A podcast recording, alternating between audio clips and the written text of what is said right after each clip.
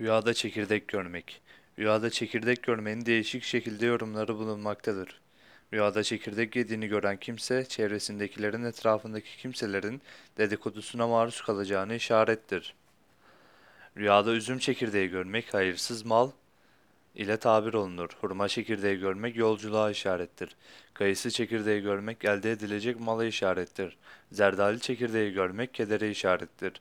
Rüyasında kavun çekirdeği görmek kız çocuğuna işarettir. Rüyasında karpuz çekirdeği görmek ise sevgisiz çocuğa işarettir. Bazen rüyada hurma çekirdeği görmek uzun ömürlü olacağınızı işarettir. Hurma çekirdekleri evin temeline ve güzel inanca işarettir demişlerdir yorumlarında.